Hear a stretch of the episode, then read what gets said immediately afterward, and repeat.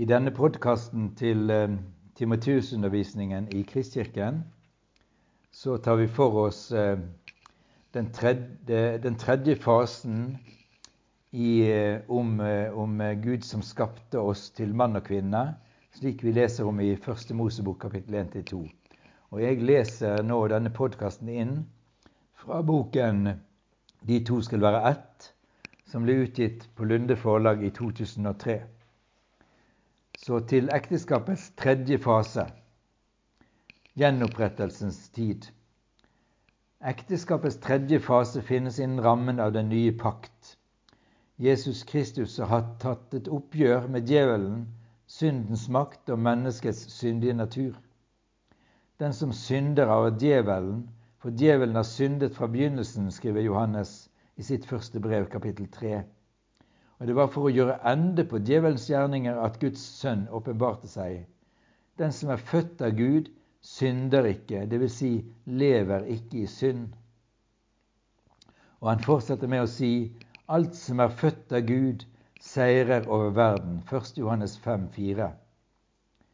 1. Johannes brev har litt mer å si om denne saken.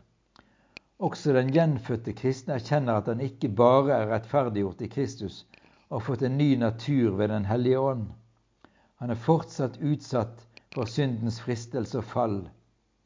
Og Derfor så skriver Johannes dersom vi vandrer i lyset slik han selv er i lyset, da har vi samfunn med hverandre, og Jesu, Hans Sønns blod, renser oss fra all synd. Sier vi at vi ikke har synd, da bedrar vi oss selv, og sannheten er ikke i oss. Men dersom vi bekjenner våre synder, er Han trofast og rettferdig, så han tilgir oss syndene og renser oss for all urett. Det er vesentlig å erkjenne at vi gjør synd, at vi må bekjenne synd som synd, at vi renses i Jesu blod og rettferdiggjøres av ham, og at vi vokser i helliggjørelse når vi vandrer i lyset. Rombrevet 6 forteller at den som er døpt til Kristus, er død fra synden. Den syndige natur er død og gravlagt. Vi er ikke slaver under synd lenger, men er stilt til disposisjon for den hellige Gud. Vi er steget opp av dåpens bad for å leve det nye livet med og i Kristus. Før var dere slaver under synden, men nå er dere av hjerte blitt lydige, skriver Paulus. Kapittel 8 i Rombrevet forteller om livet i den nye pakt i Åndens kraftfelt. Dere er ikke i den syndige natur, dere er i Ånden. Guds rike er nær. Det er et hovedtema hos Jesus. Jesu disipler er blitt borgere av dette riket. Det er et rike som ikke er av denne verden, dvs. Si, som ikke er infisert av synden i denne verden. Det er Guds, og derfor er det himmelsk. Guds folk er et annerledes folk, omvendt og frelst fra en vrang og syndig slekt, slik det står i Apostlenes gjerninger kapittel 2 vers 38-40. Guds folk er hellig, utskilt og ved Ånden innviet til lydighet og til å bli renset ved Jesu Kristi blod. 1. Peter 1,2. I Kristus er vi hellige som han, her, han er, og vi er kalt til å være hellige og fullkomne som Gud er. 1. Peter 1,16 og Matteus 5,48. Den gjenopprettelse som skjer i og med den nye pakt, inkluderer også ekteskap og familie. Det skal bli slik som det var i begynnelsen. Frelsen innbefatter ikke bare at jeg får syndene mine tilgitt og kommer i et gjenopprettet forhold til Gud. I denne frelsen ligger en forløsning tilbake til Guds opprinnelige ordninger under Hans velsignelse. Guds mening er at vi skal få det slik som Eva og Adam hadde det sammen før syndefallet, i ekteskapets første fase. Paulus underviste de første kristne om dette, og vi skal følge hans undervisning i Efeserbrevet. Oppbyggingen av Paulus brev til efeserne viser denne sammenhengen. Han hilser de hellige, dvs. Si Guds rikeborgerne, som er utskilt fra den syndige verden og gjort hellige i Kristus for Gud, de som tror på Kristus Jesus, kapittel 1, vers 1. De får en hilsen som er fylt av kraft, nåde og fred. Derpå forteller Paulus gjennom en lovprisning at all åndens velsignelse i himmelen er blitt de troende til del i Kristus. Ved denne velsignelsen stilles vi hellige og feilfrie framfor Gud. I sin bønn ber Paulus om et større mål av opplevelse av hvor veldig Guds kraft er hos dem som tror. Alt er lagt under Jesu herredømme, og Kristus er den som fyller alt i alle. I kapittel 2 fortsetter han. En gang var de som nå tror, også døde av misgjerninger og synder. Dere levde på den nåværende verdens vis vi blir gjort oppmerksom på at det livet egentlig var ledet av herskeren i luftens rike, den ånd som nå er virksom i de ulydige. Vi fulgte lystene i vår syndige natur og lot oss lede av den og av våre egne tanker. Paulus beskriver den syndige naturs liv. Det innbefatter også ekteskap, familie og samliv når det er kommet på avveie i forhold til Guds gode plan men i sin miskunn har Gud frelst oss. Da blir det et helt nytt liv. Det preges av himmelen. I det nye livet i Kristus er vi skapt til gode gjerninger. Det preges også av forsoning og fred, for vi lever i forsoneren Jesus Kristus. Han er vår fred. Han har drept fiendskapet. Ved livet i Kristus blir mennesket rotfestet og grunnfestet til kjærlighet. Ja, en kan kjenne hele Kristi kjærlighet, fortsetter han i kapittel 3 fra vers 14. Han virker i oss med sin kraft og kan gjøre uendelig mye mer enn alt det vi ber om og forstår. På denne bakgrunn er det ikke mulig å leve som hedningene gjør, skriver Paulus i kapittel 4 fra vers 17. Deres tanker er tomhet, deres forstand formørket, og de er fremmede for livet i Gud for deres hjerter er blitt forherdet. Den sannhet de kristne har fått del i ved sitt forhold til Jesus, er denne. Dere skal ikke leve som før, eller som hedningene, men legge av det gamle mennesket som blir ødelagt av de forførende lystne. Dere må bli fornyet i sjel og sinn og kle dere i det nye mennesket, det som er skapt etter Guds bilde til et liv i rettferd og hellighet etter sannheten. Her tegner Paulus et bilde av en sann disippel. Og I kapittel 5 fortsetter han. Ha Gud som forbilde, dere som er Hans elskede barn. Lev i kjærlighet, slik som også Kristus elsket oss og ga seg selv for oss. Det er det positive en skal strekke seg etter. Men det er også noe negativt en må kjempe mot. Hor og all slags urenhet, pengejag, råttsnakt, Snakk dumt prat og grove vittigheter. Ingen som driver hor eller lever i umoral, får del i Guds og Kristi rike. La ingen narre dere. Guds vrede rammer de ulydige. Gjør ikke felles sak med dem. Apostelens ord er alvorlige og tydelige. Igjen kontrasteres før og nå i kapittel 5 vers 8 og følgende. En gang var dere selv mørke, men nå i Herren er dere lys. Lev da som lysets barn. Guds barn kalles til stadig å fylles av Den hellige ånd. Er han ikke fylt av Den hellige ånd, er det den syndige natur som rår. Galaterbrevet 5, 16 og følgende. En av fruktene av å være fylt av Ånden er at en nå lever rett i ekteskap og familie. Og det leser vi om fra vers 22 i kapittel 5. Åndens frukt er kjærlighet, glede, fred, overbærenhet, vennlighet, godhet, trofasthet, tålsomhet og selvbeherskelse, skriver Paulus i Galaterbrevet 5.22. Er ikke det en god beskrivelse av det vi lengter etter og må strekke oss etter i ekteskapets samliv? Paulus beskriver kjærligheten slik i Kjærlighetens høysang 1. Korinterbrev 13.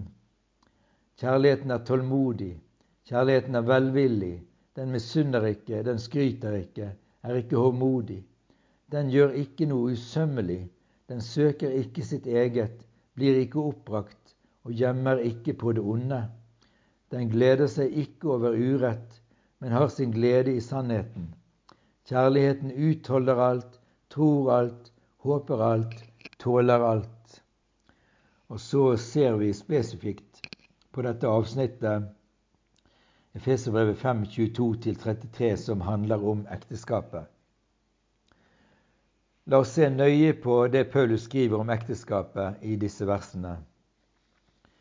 Det finnes ikke noen herligere beskrivelse av ekteskapet i Nytestamentet enn dette avsnittet. Derfor har det selvfølgelig vært interessant for Guds motstander, løgneren, å vanskeliggjøre det så mye at til og med kristne blir forlegne av det som står her. Men dette avsnittet er et uttrykk for ekteskapets tredje fase, i det det viser til det som var i begynnelsen. I kirkelig ektevielse er dette avsnittet stått sentralt. Men så begynte noen å få problemer med at gifte kvinner skal underordne seg under mennene sine. Hele avsnittet er skrevet til Jesu disipler, de som kjenner de åndelige lovene i den nye pakt. Men de som, når de som bare kjenner denne verdens måte å tenke på, får høre disse ordene, da får de en helt annen valør. Den humanistiske og feministiske ånd går ikke sammen med Guds ånd. Og når det var vanskelig å fortsette med å lese det ene ordet, så fikk en heller ikke lest det andre.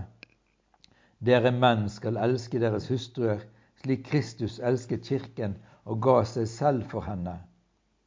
Og hva går tapt? Ikke engang kristne menn får en stadig og nødvendig repetisjon av at de skal elske sine hustruer som Kristus elsket og elsker kirken når en ikke hører Guds ord, som dømmer den syndige natur og gir kraft til det nye livet, da forfaller en. Tanken preges mer av denne verdens måte å tenke på enn av Guds standard. Vår intensjon er å fornye lesingen og forståelsen av dette avsnittet, for her ligger en veldig hemmelighet til et, til et ekteskap under Guds veiledning, velsignelse og kraft. Vi har ingenting imot å ta med vers 21 i avsnittet om ekteskapet. Underordne dere under hverandre i ærefrykt for Kristus. Det er en god gjensidig holdning mellom ektefolk, gjensidig respekt og kjærlighet. Men når forholdet mellom mann og kvinne siden sammenlignes med forholdet mellom Kristus og menigheten, så må vers 21 forstås i det lyset. Det er selvsagt ikke noen gjensidig underordning mellom Kristus og Kirken. Den kristne forsamling underordner seg Kristus, men den annen holdning som kjennetegner Kristi forhold til sin brud, menigheten, nemlig agape, guddommelig kjærlighet. Når vi leser dette avsnittet, er det viktig å legge merke til adressatene. Menn skal ikke lese og bruke det ordet som er talt til kvinnene, og kvinnene skal ikke bruke det ordet som er talt til mennene. Det vil ende i kjødelighet og maktmisbruk. Kvinnene skal ta sine ord til seg, og mennene sine ord til seg. Da vil mannen få mer enn nok med å realisere ordet som er talt til ham, så sant han har ærefrykt for Kristus, som er hans hode. Vers 22. Det er den gifte kvinnen som skal underordne seg sin egen mann. Har hun ærefrykt for Kristus, gjør hun dette som under Herren selv. Hun vet at Kristus bare er fullkommen godhet og kjærlighet, mens mannen kan det jo være så som så med. Noen ganger er han slik at det er lett å underordne seg ham. Andre ganger er han så vanskelig og vrien at hun har lyst til å gjøre opprør. Det er nettopp da hennes ærefrykt for Kristus prøves. Gud har gitt en ordning. En hustru med kjærlighet til Jesus kaster ikke vrak på ordningen, selv om den andre part i ordningen bryter sin del. Hun holder fast på sin forpliktelse i tro og håp om at mannen også skal oppdage sin forpliktelse. Og selv om mannen ikke ser det han burde se, så er hennes troskap mot Kristus overordnet mannens mangler. Det er slik en etterfølger av Jesus har lært å leve. Disipler elsker til og med fiendene, gjør godt imot dem som hater, velsigner dem som forbanner, og ber for dem som krenker en. Lukas 6, 27. Når vi tegner dette ideelle bildet, kan vi ikke være blinde for at det finnes situasjoner som er så vanskelige at det ikke finnes annen mulighet enn at en går fra sin ektefelle, både for egen del og for barnas del, f.eks. ved alvorlig psykisk lidelse, psykopati, vold, rusmisbruk, seksuelt misbruk og perversitet. Noen ganger må det sies stopp for syndens og det ondes herjinger. Intensjonen i ordningen som Paulus beskriver, blir først oppfylt idet begge parter setter alt inn på å leve etter den. Når mannen forstår at han er kalt til å elske sin hustru slik Kristus elsket kirken og ga seg selv for henne, da begynner han å se hva Gud har villet med sin gode plan. Og la oss føye til på alle språk er ordet for kirke et hunnkjønnsord. Derfor er den beste oversettelsen av dette pronomenet hun og henne ikke den. På samme måte som Kristus har elsket menigheten, sin elskede brud, skal mennene elske sin, mannen elske sin hustru som sitt eget legeme. Hvordan elsker Kristus sin brud? Hvordan elsket Gud Israel sin brud og kjæreste? Israel var ingen fullkommen hustru. Hele Det gamle testamentet forteller om en Guds hustru som svek sin mann. Hosea-boken er et eneste langt vitnesbyrd om dette. Men Guds kjærlighet svikter aldri. Slik er det også med Kristus. Kristi kjærlighet til sin brud. Kirken er langt fra fullkommen i seg selv. Hun har vært svikefull, har falt fra, har mange feil og mangler, har ikke med iver søkt å oppfylle Kristi bud. Likevel, Kristi kjærlighet svikter aldri. Aldri. Du ser Jesu kjærlighet i forhold til sine disipler. Gjennom tre år har han gitt av sin kjærlighet. Johannes evangeliets kapittel 13 forteller at han elsket dem fullkomment, helt til det siste. Men de sviktet ham også etter hans sterke kjærlighetsgjerning. Han fortsetter likevel å elske dem. Slik er han mot sin brud. Han sier ikke 'Jeg vil se etter en som er bedre enn deg'. Nei, han sier, 'Jeg elsker deg fullkomment'. Jeg vil aldri forlate deg og aldri svikte deg. Slik kalles mannen til å elske sin hustru. Når mann og kvinne finner sammen i hver sin forpliktelse ut fra Guds ord, da blir ekteskapet et profetisk bilde på forholdet mellom Kristus og menigheten. Dette er et stort mysterium, skriver Paulus i vers 32. Dette er en herlig sannhet. Dette bevarer et ekteskap mot forvitring. Dette fører til at ekteskapet vokser mer og mer i herlighet. I en tid der ekteskapet smuldrer i stykker i denne verden, kan de kristne ekteskapene stå fram sterke og tydelige som et mektig vitnesbyrd. Også apostelen Peter underviser om den samme saken i sitt første brev, kapittel 3. Og Der settes ekteskapsundervisningen inn i en sammenheng. Det er slik Jesu disipler skal leve med hverandre. Peter vet at det finnes ekteskap der bare den ene parten er kristen. Hva gjør han da? Han tar ikke bort den gudgitte ordningen av den grunn. Når en kristen kvinne underordner seg sin ufrelste ektemann, så kan de menn som står ord imot, bli vunnet, ikke ved ord, men ved hustruens livsførsel, når de ser hvordan dere lever i renhet og gudsfrykt. Deres smykke skal være det indre, skjulte mennesket med sitt milde og rolige sinn, som er uforgjengelig og dyrebart for Gud. Og til ektemennene skriver eh, Peter, vis forstand i samlivet med hustruen, som er den svakere part. Og vis henne ære, for sammen skal dere arve nåden og livet. Gjør dette så ikke bønnene deres blir hindret. Underordning og undertrykkelse er to helt forskjellige ord. De må aldri forveksles eller blandes sammen. Jesus Kristus, Guds sønn, underordner seg Faderen. Faderen elsker Sønnen. De to er ett. Det finnes naturligvis ingen undertrykkelse i Gud, Han som er fullkommen kjærlighet. Og som vi har skrevet, mannen har ingen rett til å prøve å underordne sin hustru under seg. Hans oppgave er å elske og vise ære. Efeserbrevet avsluttes med et avsnitt om å bli sterke i Herren og ikle seg Guds fulle rustning, kapittel 6 fra vers 10. Det følger umiddelbart på det vi kaller hustavlene, undervisningen om ekteskap og familie og de ordninger Gud har gitt oss. Det er som apostelen sier, vær klar over at når dere opplever angrep på ekteskap og familie, så er det et djevelsk angrep. Dere er nødt til å ikle dere Guds rustning og være sterke i Herren for å kunne takle dette. Hvis du tror at kampen er mot din ektefelle, så tar du feil. Det er denne verdens måte å se ting på, men som kristne kjenner vi en annen dimensjon også. Her må du ruste deg med bønn, fredens evangelium, Guds ord og alle de åndelige våpen du har til disposisjon. Det dreier seg om djevelens lumske angrep.